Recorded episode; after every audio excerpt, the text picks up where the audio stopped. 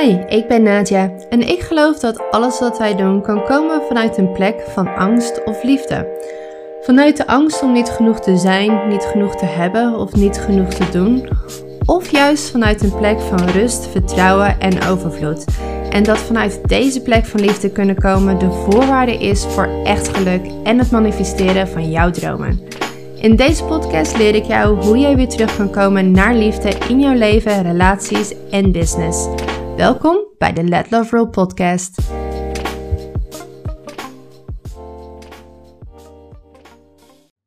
Hi lieve mensen, welkom bij een nieuwe episode.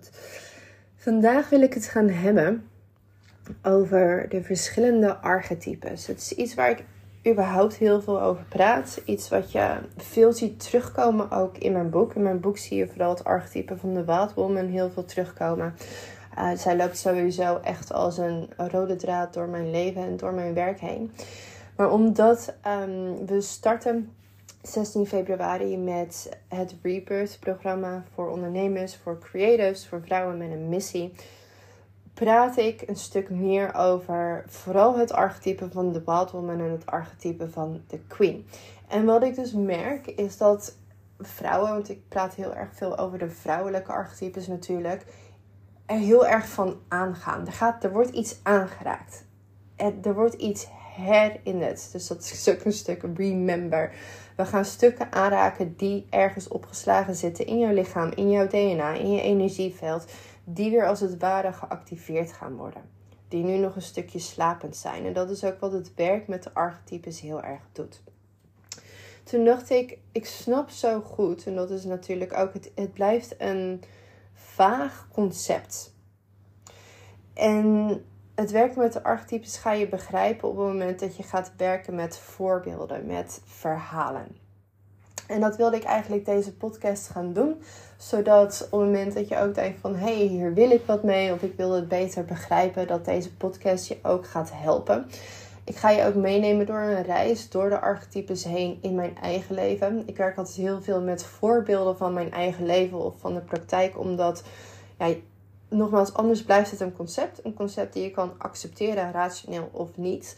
op het moment dat je echt gaat werken met verhalen, met voorbeelden, met het echte dagelijks leven, kan je gaan begrijpen: oh, oh, maar zo is dat van toepassing op mij. En oh, dit is wat ik doe. Je gaat dingen herkennen omdat, tuurlijk zijn onze, onze pijnen en onze struggles zijn ook hè, individueel, maar ze zijn ook ongelooflijk universeel. We denken allemaal dat we de enige zijn die met bepaalde dingen rondlopen, omdat we ook vaak allemaal met ons masker oplopen. En op het moment dat we hierover gaan praten, daarom deel ik mijn verhalen ook altijd zo kwetsbaar. Deels omdat ik ze gewoon volledig kan ownen en er geen schaamte meer op zit. Um, maar ook omdat ik weet, het is voor the greater good. Ik help hier mensen mee. Door te erkennen en door te denken, oh, wacht even, oh ja. En ook om toestemming te geven, hé, hey, die verhalen mogen er zijn. Die stukken van ons mogen er zijn. Die hoeven niet in de schaduw te blijven hangen. Want het is niks om voor, je voor te schamen. Die schaamte. Ik ga nu even helemaal op topic, maar dat maakt niet uit. Die schaamte kan alleen macht over je krijgen op het moment dat we het blijven verbergen. Te denken, die stukken van ons mogen er niet zijn. Op het moment dat we zeggen, hier, hier is het. En dit ben ik, of dit was ik, of dit is een, een onderdeel van mijn verhaal. Verliest het macht. Verliezen trouwens ook mensen macht over je. Want die schaamte is weg. Goed. dat is even een, een kleine side note. We gaan het hebben over de archetypes. Waar ik vooral mee werk zijn de archetypes van de goddess. Dus dat is de maiden, de mother, de huntress, de queen, de lover en de wild woman. En hoe wij de archetypes het beste kunnen herkennen is vaak door films. Dus je zou het beschrijven als een collectieve delen van ons. Dus een, een stuk van jou die leeft in het collectief, maar dus ook in jouzelf. Want wij zijn allemaal onderdeel van het collectief. En waarom we vaak zo geïnvesteerd zijn in series en in films, is omdat het ons herinnert aan een stuk van ons. Ik heb laatst ehm, Wednesday eindelijk een keer kunnen kijken. Omdat ik wilde weten waarom dat nou zo leuk was. Um, ik zag het overal voorbij komen. En ik was ook echt, ik heb hem echt een stuk afgekeken. Waarom vind ik dit nou zo leuk? Want ik ben helemaal niet van de sci-fi uh, shit, als ik heel eerlijk mag zijn. Omdat ik emotioneel geïnvesteerd ben in haar karakter. Ik herken mezelf in haar. Dus ik herken mezelf niet in dat ik het leuk vind dat de spinnen over me heen lopen. Zou ik totaal niet leuk vinden. Ik herken mezelf wel in een oude versie van mij. Het cynische dat ik vroeger over me had, wat zij ook heeft. Maar ik herken de Wild Woman, die zij heel erg sterk heeft. De Huntress, die zij heel erg sterk heeft. En ook een stukje Queen Energy, die zij heel erg sterk heeft. Het zijn stukken die in mijzelf worden aangewakkerd. En waar wij ook vaak heel erg van aangaan is de hero's journey. Dus hè, van machteloos, geen controle over je eigen leven, geen, geen zeggenschap, geen uitweg. Ehm, ja, dat, dat afhankelijk zijn, um, slachtofferschap, naar uiteindelijk die reis afleggen naar je eigen hero zijn. En we bekijken dat dan vanuit of, hey, ik heb het al gedaan en ik, ik, ik herken dat omdat ik dat bewust heb afgelegd. Of wij herkennen alleen het stuk machteloosheid en slachtofferschap. En ik, ik ben maar een beetje eh, in het rond aan het zwemmen in dit leven. En ik hou net mijn hoofd boven water. En wacht even, dit is wat er voor mij mogelijk is, want dat deel leeft in mij. Dus als we het nou hebben over bijvoorbeeld het archetype van de Queen. Weet je, waar we heel veel mee gaan werken in het, in het jaarprogramma Rebirth beste voorbeeld daarvan is misschien wel Khaleesi van Game of Thrones. Game of Thrones is ook weer zo'n serie. Ik hou dus niet van sci-fi. Ik hou ook niet van geweld. Kan ik helemaal niet tegen. Ben ik veel te gevoelig voor. Ik heb die hele serie heb ik denk ik 60% letterlijk met mijn handen voor mijn ogen gezeten. Dus dan zou je denken, kind, waarom kijk je het dan überhaupt? Ik kijk het voor de karakters, de psychologie erachter. Dat is wat die serie zo ongelooflijk goed maakt. En Khaleesi is natuurlijk echt de typische hero journey van... Zij werd eigenlijk ja, verhandeld door haar ongelooflijk creepy broer. Um, dus machteloosheid, slachtofferschap. Zij had geen zeggenschap over haar eigen leven. Ze was aan het overleven. Ze werd weggegeven aan, die, aan een gekke tribe van een hele knappe man. En zij is van dat stuk is zij eigenlijk, heeft zij die hero journey afgelegd. Waarin de mensen die haar wilden kleineren, haar wilden verhandelen, haar wilden onderdrukken, eigenlijk allemaal, nou ja, niet alleen figuurlijk, maar ook letterlijk werden afgebrand. En zij kwam echt als zo'n Phoenix Rising, echt als de freaking queen. Ik weet dat die scène zo bekend is dat alles is afgebrand en zij daar naakt staat onder het as met die twee. En daar was ook gelijk het archetype van de mother. Kwam ook gelijk daarmee boven. Met die kleine babydraakjes op de schouders. Dat was de hero journey. En vervolgens ging zij naar echt totaal dat archetype van de queen en de mother die naast elkaar stonden. Dus mother of dragons en inderdaad het, het stukje leiderschap waarin zij dus echt aan het vechten was voor onrecht. Ja, totdat ze op het einde koekoe werd. Maar dat even terzijde. kwam er wel trauma. Had ze wat therapie op moeten doen. Ehm, maar zij was dus niet uit op eigen gewin, eigen gewin. Meer voor mij, meer voor mij, meer voor mij. En dat is natuurlijk ook wat we heel vaak toch weer ook zien in ondernemerschap. Meer van mij, meer van mij, meer van mij. Hoe kan ik, ik, ik, ik, ik, ik, ik, ik, ik, ik meer krijgen? Zij belichaamt de mother. De mother gaat over het collectief. Over um, staan tegen onrecht. Over ja, en voor mij en voor jullie. En dat is wat zij natuurlijk geweldig belichaamde. Zij had de begrenzing. ze liet mensen niet over zich heen lopen, maar ze had tegelijkertijd de compassie. Ze liet zichzelf ondersteunen door haar advisors.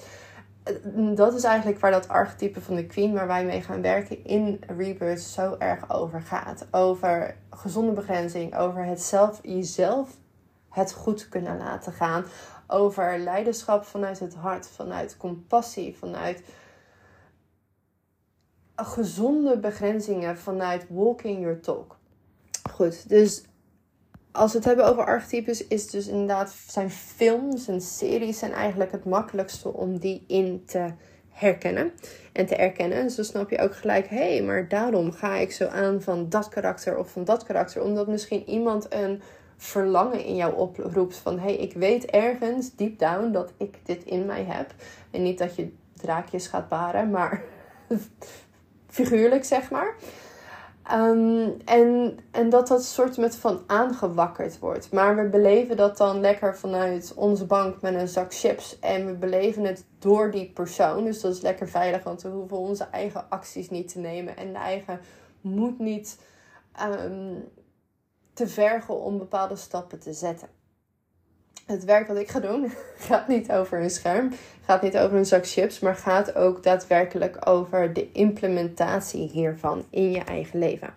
Nou, ga ik nu een stukje meenemen over mijn eigen reis. Wat belangrijk is om te weten is dat verschillende archetypes komen sterker naar voren in verschillende fases van je leven. Dus de maiden gaat over het, het meisjesarchetype jong, jeugdig, speels, avontuurlijk, maar ook een beetje naïef, uh, een beetje onzeker, misschien makkelijk te manipuleren, makkelijk slachtoffer.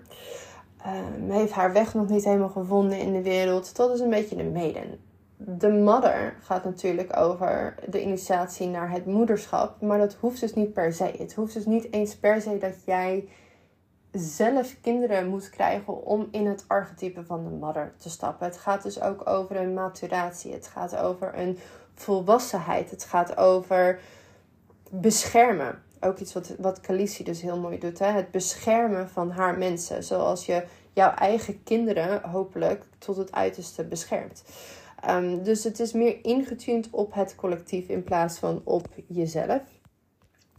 Je hebt um, natuurlijk de huntress archetype, dus dat zal meer naar voren komen op het moment dat je carrière wilt maken. Um, je hebt de crown trouwens ook nog, de wise woman, dus dat zal meer komen aan het einde van je leven. Um, dat komt natuurlijk met ervaring, met levenservaring, met inzichten. Het komt ook weer met, met maturatie en het is ook weer een, een bepaalde cyclus van je eigen leven. Dus weet dat ook. Weet ook van hey, in bepaalde fases mogen bepaalde archetypes en delen van mezelf meer naar voren worden gehaald om mij te dienen. En alle archetypes hebben dus ook schaduwkanten. Dus als je bijvoorbeeld kijkt naar de moeder, de mother, eh, die heeft ook als schaduwkant dat ze zichzelf kan gaan opofferen. Zichzelf kan gaan wegcijferen. Of als je het hebt over de queen, zou haar schaduwkant ook kunnen zijn dat hè, alles, alles is voor mij en iedereen moet mij dienen. Als je het hebt over de maiden, is een schaduwkant dat ze inderdaad te naïef kan zijn, te makkelijk manipuleerbaar kan zijn, te onzeker kan zijn, uh, validatie haalt uit andere personen. Dus alles heeft een bepaalde schaduwkant. Nou, ik ga je een stukje meenemen door mijn reis door de archetypes heen.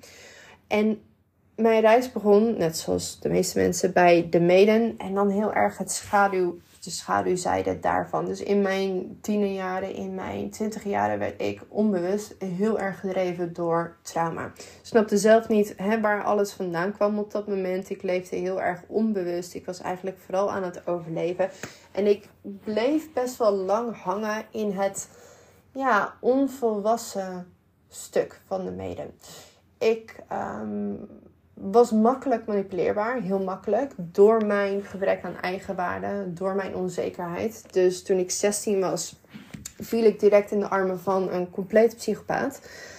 En ja, dan vroegen mensen zich af, hoe kan, dat? Hoe kan dat gebeuren? Maar het was natuurlijk ook een stukje trauma-bonding, doordat ik, uh, wat ik heb ervaren met mijn mannelijke caregivers. Dus ik was een bepaald niveau van disrespect en van klein maken en van manipulatie en van niet gezien worden was ik gewend. Dus dat zat ook in mijn comfortzone. Ik had daardoor totaal geen eigenwaarde. En iedereen die mij een kruimeltje uh, ja, liefde gaf, een kruimeltje uh, wat ben je leuk of wat ben je mooi of wat ben je dit of wat ben je dat daar was ik extreem gevoelig voor. Want ik haalde dus natuurlijk die eigenwaarde uit externe omstandigheden, omdat ik die zelf niet had. Nou, daarbij was ik natuurlijk enorm empathisch, dus ik was echt het ideale slachtoffer voor een psychopaat of een narcissist. Dat was dus ook direct mijn eerste relatie. En, en daardoor bouwde ik eigenlijk ook trauma op trauma op trauma. Uh, elke relatie had weer een andere vorm van manipulatie, van mishandeling. Dus mijn, mijn eigenwaarde ging langzaam naar beneden, naar beneden, naar beneden, naar beneden, naar beneden. En daar ben ik dus ook door fases gegaan, waarin ik ook bepaald archetype van de prinses um, belichaamde. En prinses is eigenlijk het onvolwassen deel van de queen. Op een gegeven moment wil je natuurlijk macht gaan terugpakken. Want we hebben het dan over een machtsspel in relaties, in, in, in het leven. En dat voelde ik vooral tussen het vrouw zijn, mezelf dus, en mannen. Ik had het helemaal niet naar andere vrouwen. Die waren allemaal, die waren allemaal mijn vriendinnen. Vrouwen vond ik allemaal hartstikke lief en aardig. Maar mannen, dat was voor mij mega onveilig. Door dus mijn eigen opvoeding. En doordat je dus in een machtsspel terecht kwam, hè, ik manipuleerde ook. Ik gebruikte mijn ehm, uiterlijk ook als en mijn seksualiteit, dus ook weer een schaduwtype van de lover, als manipuleermiddel. Als een soort met van valse entitlement dat mannen maar voor mij moesten gaan rennen. Ik kan me heel goed het scenario nog herinneren dat ik in Bali stond. Mijn vader was toen naar Bali verhuisd. Ik had een, een, jongen die vond ik leuk, maar er waren nog tien jongens die mij leuk vonden. En ik stond daar en ik stond in een bar en ik weet nog goed dat ik met hem aan het praten was. En dat er dus nog mannen mij drankje voor mij drankjes aan het halen was. En ik ook gewoon heel ondankbaar. Dat vind ik echt nu heel erg, maar goed. Heel ondankbaar. Oh ja, thanks. Nou, dan keerde ik me weer naar hem toe. Ik verwachtte dus dat ze voor mij gingen rennen. En hij zei toen ook tegen me: uh, Wacht even. even dat je het weet, dit ga je bij mij niet doen, hè? En dat ik dacht, hoe bedoel je? Wat ga ik bij jou niet doen? Ik was me er zelf gewoon van onbewust wat ik aan het doen was. Maar het was dus mijn manier om mezelf weer wat veiligheid te bieden. En een stukje macht die me dus constant werd afgepakt, terug te pakken. Dus onder die entitlement en onder ja, wat waarschijnlijk voor de buitenwereld absoluut leek als een bepaalde arrogantie, zat eigenlijk vooral angst, onveiligheid, onzekerheid ehm, en, en, en een schild die ik ging vormen door dat prinsessengedrag. Dus het was een bepaalde manipulatie. En er zat dus in die maiden, in het schaduwtype van de maiden, in het schaduwtype van die prinses, is dus ook een stukje ik moet gered worden. En wat eronder lag was dus ik kan mezelf niet redden. En dat ging ook heel erg over emotioneel, maar dat ging ook heel erg over financieel. En dat is echt een generationeel trauma die ik heb doorgekregen. Dat als vrouw kan je het niet in je eentje redden. Punt. En wat creëer je dan? Eigenlijk creëer je direct een codependency. Want als jij geld gaat over overleven, daarom vind ik geld zo'n belangrijk topic. Op het moment dat we het daarover hebben, hebben we het over eerste chakra hebben we het over overlevingsmechanismes, kunnen overleven in deze wereld. Als jij gelooft dat jij dat niet kan, wat ik dus geloofde. eigenlijk is dat heel gek, want ik, ik haalde gigantisch goede cijfers op de universiteit. Ik, werd ingeschreven voor mijn PhD. Werd me zelfs gevraagd: wil je alsjeblieft je PhD doen? Dus het was heel duidelijk dat ik hersens had. Het was heel duidelijk dat ik een bovengemiddelde intelligentie had, een bovengemiddelde drive had. En toch, door mijn gebrek aan eigenwaarde en door de overtuigingen en trauma's en herinneringen die ik van vorige generaties heb meegekregen, dacht ik echt oprecht: ik zou niet weten wat ik, wat ik, ik, ik heb niks te bieden aan deze wereld. Ik zou niet weten hoe ik, wat ik voor waarde zou hebben om geld te verdienen. Dat, dat kan ik niet. Dat ben ik niet waard. Ik heb, ik heb niks te bieden. Dat was echt de overtuiging die ik had. Dus wat krijg je dan? Direct een codependency naar, in relaties en naar mannen toe. Want als jij iemand nodig hebt om te overleven, ontstaat daar direct een disbalans in macht. Er staat, ontstaat direct een bepaalde codependency. En een soort entitlement die ik had van jij, wie de beste man ook was, moet mij komen redden prinsessengedrag. Save me. We kennen allemaal het verhaal toch wel van de Disney-prinsessen die allemaal ergens in een toren met de haren staan te wapperen. Machteloos, save me, save me. En dan komt de knappe prins en die gaat haar redden. Dat was het archetype waar ik ook heel erg in vast zat.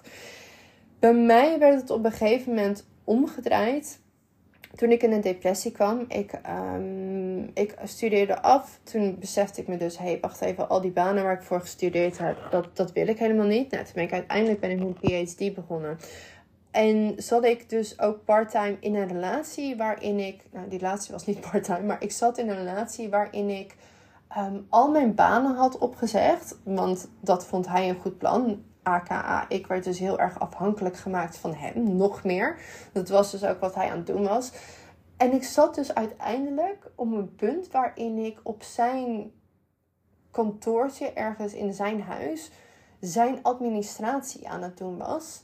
En dat, ik, kan helemaal, ik ben helemaal niet goed in administratie. En dat deed ik fout. En toen ging hij helemaal tekeer tegen mij van, ja, dat kan je, je bent stom en dom en dat kan je niet. Toen dacht ik echt bij mezelf, oh mijn god, ja, zelfs dit kan ik niet. Zelfs hier ben ik niet goed genoeg voor.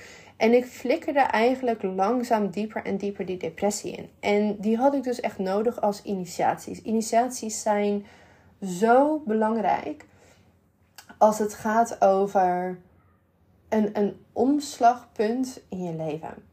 Die depressie had ik nodig om naar binnen te keren. Om te kijken, hé, hey, wacht even. Wat, wat gebeurt er? Waarom gebeurt dit? Eh, de trauma's die in me zaten. Het gebrek aan eigenwaarde die in me zat. Want die kofferde ik op met prinsessengedrag. Met entitlement. Ik had het zelfs niet eens in de gaten. Ik dacht, nee joh, die zelfliefde, dat, dat zit allemaal wel goed. Nou ja, ik had dus echt gewoon bijna zelfhaat. Eh, daar zat ik ergens op het spectrum. En dat was het punt waarop ik ook in contact ben gekomen met de, de Wild Woman, de, de, de healer, waarin ik um, intern werk ging doen. En mezelf uit die relatie ontworstelde, zag wat mijn pad was. En ik dacht: oké, dit, dit ben ik. En ik laat nu al dat los. En ik ga voor mijn eigen pad. En toen ben ik dus naar Bali vertrokken, ben ik mensen gaan helpen. En dat was vooral mijn insteek. Mensen, ik wil gewoon mensen helpen. Dat is nog steeds mijn insteek. Alleen daar is dus één probleem mee inderdaad. Als je alleen maar deed, ik wil mensen helpen, maar ik uh, durf daar niet voor te ontvangen. Of ik durf daar geen doelen mee te stellen. Dan gebeurt er dus niet zoveel. Dus ik zat nog steeds in het, ik durf geen geld te ontvangen. Ik, ik voelde me niet waardig genoeg om geld te ontvangen. En ik kreeg toen een relatie met mijn huidige man. En die relatie was toen echt, waar twee totaal verschillende personen die we toen waren. En dat is het verhaal wat ik keer op keer vertel, omdat dat voor mij een van de allergrootste initiaties was. Ik verdiende nog steeds geen geld. Ik was afhankelijk van hem financieel. Daar baalde ik gigantisch van. Maar ik zag niet hoe ik dat anders kon doen. Want ik had nog steeds die overtuigingen. Ik wist gelukkig wel wat mijn pad was. Ik had wel een stuk meer eigenwaarde. Ik, ik was met mezelf aan het werk. En toen kwam dus op een gegeven moment het punt waarop ik zwanger werd.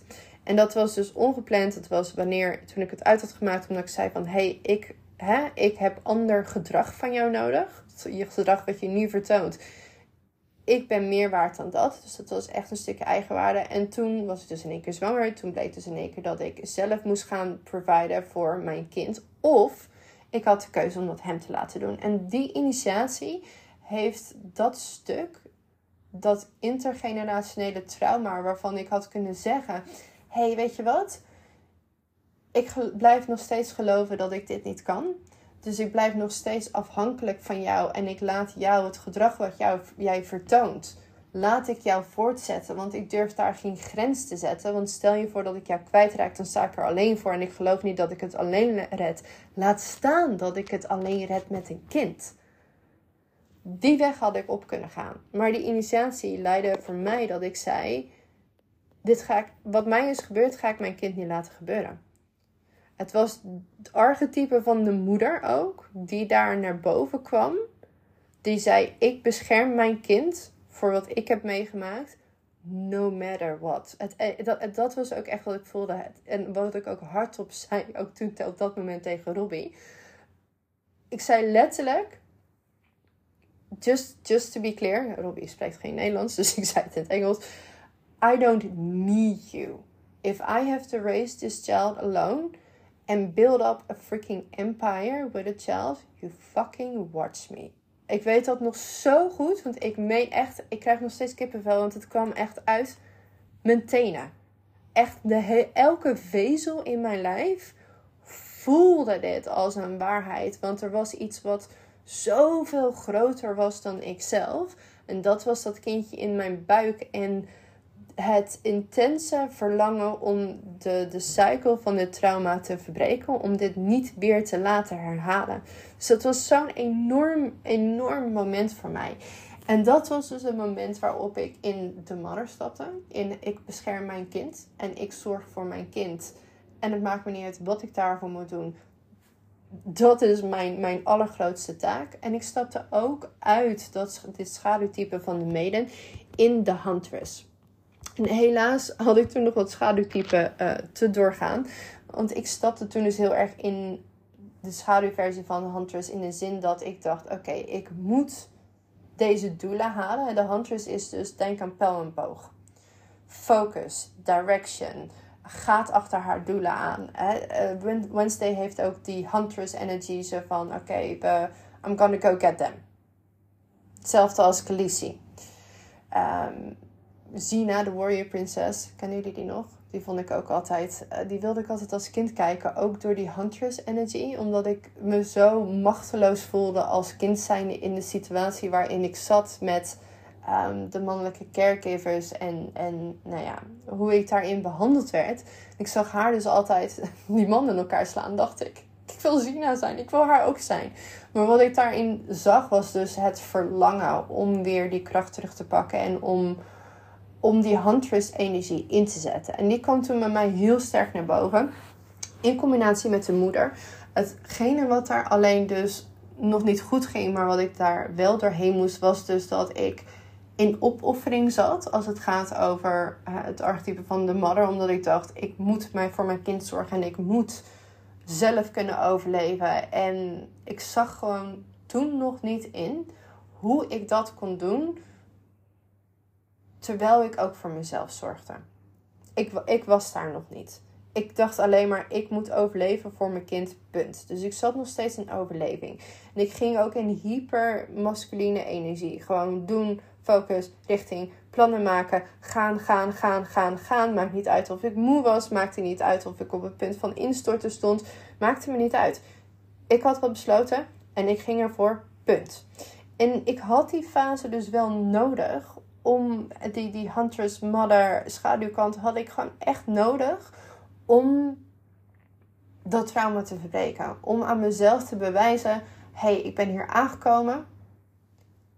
Ik kan dus zelf providen. Ik kan het zelf doen als moeder zijnde. Ik kan het zelf doen vanaf helemaal 0,0 naar providen voor een heel gezin. Dus ik kan dit. En ik kan die afhankelijkheid die van generatie naar generatie is doorgegeven, kan ik op dit moment loslaten? En dan snap je waarschijnlijk ook waarom het topic geld, de energie die daaronder zit, voor mij ook zo belangrijk is. Want het is echt iets wat voor mij heel erg diep gaat. Uiteindelijk leidt, leiden die twee, de combinatie van die Huntress en de Mother, um, voor mij tot uitputting. Logisch natuurlijk. Als je daarover nadenkt. En die initiatie was dus ook weer de zwangerschap. Um, ik denk, geloof dat zwangerschappen, geboorte geven, een kindje krijgen, moeder worden, op keer op keer op keer zijn ook een van de grootste initiaties die je kan bedenken. En dat was dat ik dacht, oké, dit is genoeg. Ik wil niet meer zo leven. Ik heb het gedaan. Ik heb het aan mezelf bewezen. Ik heb iets belangrijks doorbroken. Ik kies ervoor om bij Ruby te zijn voor de man die hij nu is, die hij is geworden en die hij nog aan het worden is daar kies ik voor vanuit niet afhankelijkheid, maar vanuit ik wil bij jou zijn, want ik red het alleen ook. Maar ik wil, ik wil het niet alleen redden. Ik wil jou echt bij ons hebben. En dat was voor mij zo'n belangrijk verschil. Maar ook ik wil anders leven. En daar is dus dat archetype van de queen en van de wild woman en van de mother en van de huntress waren, echt, die moesten bij elkaar komen in deze fase van mijn leven op een gezonde manier. Dus de huntress zit nu bijvoorbeeld nog steeds in mij. Want zonder haar ja, valde ik een beetje rond. denk ik, oh, dat is leuk. En oh ja, dat is ook wel gezellig. En oh ja, nou, ja, nu heb ik geen zin om te werken. Nee, nu heb ik zin om in bed te liggen. Een hele week. Ja, kijk, dan komen we er niet. Dat is een topic voor een andere podcast. Ik, ik ben nog steeds die vrouw met pijl en boog. Ik heb nog steeds een focus. Ik heb nog steeds een richting. Ik heb nog steeds direction. Alleen niet meer ten koste van alles. Het is de direction, maar met de zachte kant erbij. Ik heb nog steeds heel sterk het archetype van de moeder in mij. In het beschermen van mijn kinderen. In me uitspreken voor wat ik geloof. Dat is voor iedereen verschillend. Wat ik geloof dat belangrijk is voor de wereld. Voor het collectief. Zodat we ook de wereld beter achterlaten voor onze kinderen. Dat is een hele grote visie van mij. Een hele grote drijfveer van mij. Ik heb het archetype van de wild woman die bij mij steeds sterker wordt. Ik word steeds, ik word steeds heksiger. Maar zij helpt mij om echt mijn eigen pad te volgen. Mijn eigen programma's die kloppen voor mij. Waarom jij zou komen, alleen voor mij. Omdat ik dat tot in mijn tenen belichaam. Dat, dat eigen pad, dat eigen weten op mijn manier, op mijn woorden, op mijn, mijn stukken. Zonder dat ik kijk, oké, zo hoort het. Dus dan doe ik het ook. Want op het moment dat je dat doet, loop je altijd tien stappen achter. Op het moment dat je iemand anders nadoet, omdat je denkt, oh, zij doet het goed, ik ga doen wat zij doet, loop je altijd 10, 20 stappen achter en denk je, waarom kom ik er nou niet? Omdat je niet je eigen pad bewandelt. Je bent iemand anders achterna aan het gaan en die bewandelt haar eigen pad. Dus je bent altijd aan het verliezen. Dus die energieën bij elkaar op een gebalanceerde manier zijn voor mij heel belangrijk. En dan komt de Queen. En de Queen is iets waarin ik zeg: ik ben daar steeds meer aan het instappen. Ik merk nu dat ze ook echt, echt steeds sterker naar voren komt. Maar waarin ik ook voel, en daarom vind ik het ook leuk, want ik geef programma's waarin ik zelf ook altijd net zo hard meedoe.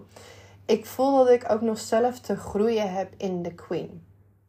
En dat gaat dus ook over leiderschap kan ik heel goed mezelf in het vuur gooien voor het collectief kan ik heel goed. Mijn visie kan ik heel goed. Het teachen kan ik heel goed. De, de belichaming kan ik heel goed. Maar ik heb zelf nog een weg te gaan in mezelf het echt nog beter kunnen laten gaan. En het gaat echt allemaal over plus, plus, plus, plus.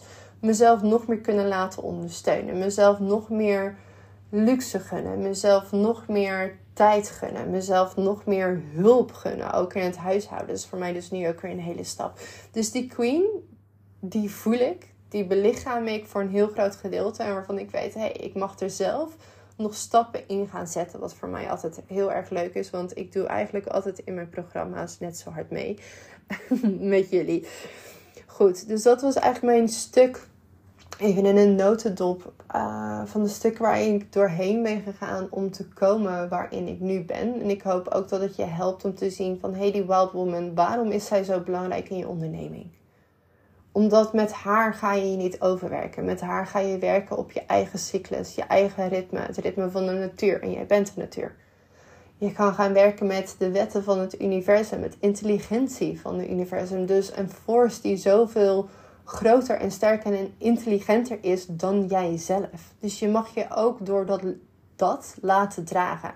Je mag je laten dragen door moeder aarde. Je mag je laten dragen door het universum. En je wordt dan dus ook dat portaal, dat verticale portaal tussen hemel en aarde. En wat er dan gaat gebeuren is dat jij de visie, dus wat er in, het eet, in de ether hangt, de energie hangt, kan je ook naar aarde gaan brengen. Dus het is, een, het is niet per se intelligentie, het is een wijsheid. Het is een weten die al in je zit, maar die vaak zo diep verborgen zit onder conditioneringen, onder ehm, gebrek aan vertrouwen in jezelf, onder naar anderen kijken, onder allerlei stukken onzekerheden en trauma's. En dat is dus weer die schaduwkant waar we mee gaan werken. De Queen gaat dus heel erg over, we gaan haar inzetten om nieuw leiderschap te vertonen. Om echt practicing what you preach. Maar ook gaan kijken, hé, hey, maar waar ligt die begrenzing? En hoe is die begrenzing liefdevol? En waar ligt jouw verantwoordelijkheid? En waar ligt de verantwoordelijkheid van die ander? Zodat dingen niet messy worden. Want dat zie je dus heel veel in het veld gebeuren. Zeker in het veld van de coaching. Dingen worden fucking messy. En we moeten erover gaan praten. En geloof me, ik ga daarover praten. Dus hoe navigeer je ook dit soort stukken? Hoe neem je leiderschap? De huntress gaan we ook meenemen. Want ik wil ook niet alleen maar la la la la la flow. We gaan ook kijken, hey, zonder daadkracht kom je nergens. zo'n daadkracht, dan is het, oh, maar dat is leuk en dat is ook leuk en dat is ook leuk. En we hebben allemaal ideeën, maar we brengen het niet van de ether naar de aarde. Je hebt directie nodig, je hebt focus nodig, je hebt daadkracht nodig. En je zal ook zien dat de mother, en dus ook niet alleen de mother inderdaad als in de vrouwen die kinderen hebben, maar het archetype van de moeder. Die dus gaat over niet alleen maar ik, ik, ik, ik, ik. Want ik geloof niet in ik, ik, ik, ik, ik. Ik, ik, ik, ik, ik is overleven. Als je aan het overleven bent, gaat het over ik, ik, ik. En je kan freaking miljoenen verdienen en nog steeds in overlevingsstand zitten. Snap je? Die twee zijn soms niet helemaal coherent. De mother gaat voor mij over de tribe, over het collectief, zonder jezelf op te offeren. Dus hoe kan ik het me goed laten vergaan, hè? ook als de queen die ik ben, maar ook hoe kan ik intunen op de impact, goed doen voor het collectief, andere mensen dragen, andere mensen zichzelf leren te dragen. Hoe kunnen we de wereld beter maken? Dat is waar ik zelf heel erg in geloof. Goed, ik denk dat ik hem ehm, hierbij ga laten. Ik ga nu weg naar een opstelling, familieopstelling met Simone Rijer. Waarvan ik denk, woe, als we het nou hebben over de mother en familie, trauma. Nou, dat gaat, dat gaat een feestje worden. Ik ga niet eens mascara opdoen, want why bother? Vorige keer kwam ik er als een soort uh, verzopen panda kwam ik eruit. Ik hoop weer dat het waardevol voor je was. Ik vind het ook heel fijn om te horen wat je ervan vond. Stuur me een DM, post het op stories als je het waardevol vond. En uh, tot de volgende aflevering.